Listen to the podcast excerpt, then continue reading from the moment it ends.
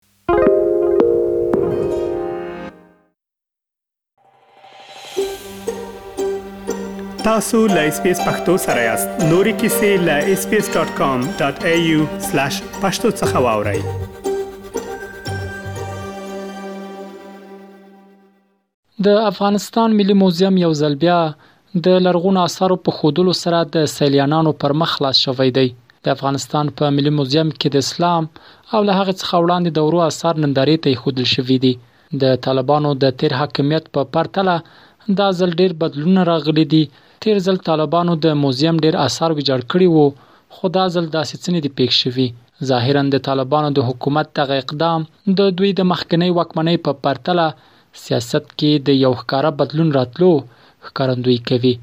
نن ورځ هم د کابل په ملي موزیم کې نندارې ته ایښي ځینې آثار اساساً د طالبانو د رادکي له ایډیولوژۍ سره په ټکر کې دي، لکه د لوښو هغه مجموعې چې ورباندې د انسانانو او حیواناتو انځورونه ښکل شوي دي.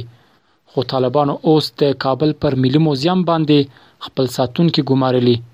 تر څو یې د نورو ډلو له برید څخه حفاظت کړي. د افغانستان د ملي موزیم مشر عین الدین صداقت له اس بي اس راډیو سره په خبرو کې وویل، د طالبانو له لوري تر اوسه داسې هېڅ هڅه نه ده شوې چې د نندارې لپاره اېښودل شوي شیانو باندې دې محدودیتونه ولګول شي.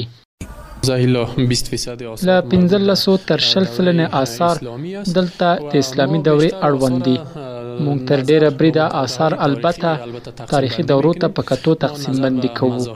موږ مذاهبو ته په کتو آثار تقسیم بندي کوو نه، ځکه په یو تاریخي دوره کې څو مذاهبو ته کتنه کیږي. دا خو طبیعي خبره ده د هر انسان د پاره تاریخي ارزښتونه ځانګړی ارزښت لري او د هر سړي په خاطراتو کې یا په یادونو کې یو نوی پاڼه وي چې دی ویني نو په دې خاطر زه علاقمند یم چې د خپل تاریخ باندې پوه شم د خپل هیواد په لرغوني تاریخ باندې په هر څه پوهیدلی وم نو ډیر راته دې په زړه پورې دي.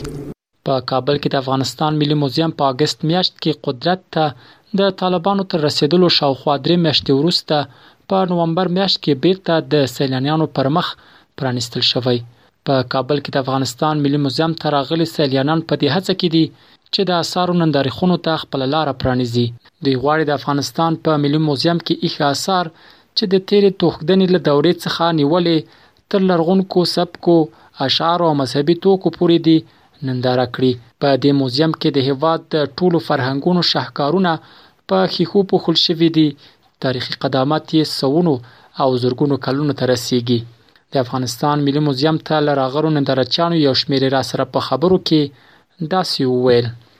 سړی راشي طبعا د خوښي احساس کوي ځکه له خپل اصیل افغاني فرهنګ نه او خپل لرغوني تاریخ نه سړی اګاه کیږي او دلته مختلف تاریخي او لرغوني شیان ویني سړی طبعا خوشحالي احساس کوي په اوله کې خو اکثره خلکو دا تصور نه شو کوي دوی فکر کوي چې د طالبانو فکر به هماغه لرغونی فکر وي یویستمه پیړۍ ده نو د خلکو افکار او د تعلیم سطح لوړه شوې ده نو په پخواني حالت نه دي پاتې شوي ما ته او ټولو د هیواد وګړو ته واقعا مختلفې مختلفې انګیزې او فکرونه او سیارت سره هم بکیږي او صبح منځته راځي ځکه نوې نظام سره ډېر خلک بلد نه خصوصا د ښار خلک نو چې اوس راغله او هم لیدله او دوی سره مرکې مو کړې ناسته پس ته دوی د نوې حکومت هم ولیده نو انشاءالله د خوښۍ احساس کوو چې الله به جوړ کړي الله دې جوړ کړي نو ان شاء الله خوښي احساس کوو.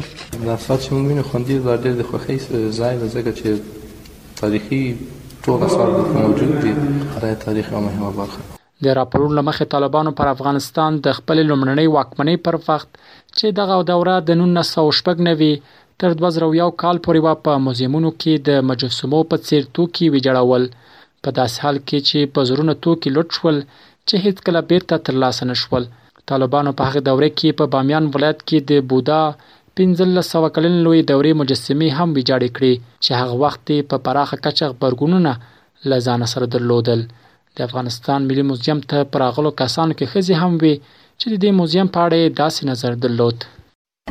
امروز خواستیم که با نن مو وغوښتل چې له خپل کوچنیو ورونو خويندو د خاله له کوچنیو زامنو او لورګانو سره د افغانستان د ملي موزیم لیدو ته راشو او ورڅخه لیدنه وکړو ځکه دوی لا کوچنیان دي او دای نه دي لیدلي و مو غوښتل چې تفریح هم شي او له موزیم څخه هم لیدنه وکوي تاسو وینئ چې دوی په ډېره مینه او شوق سره هر څه ګوري او په اړه یې پوښتنه کوي، نو ومو غوښتل چې موږ ته هم د طالبانو په وخت کې یو تفریح شي.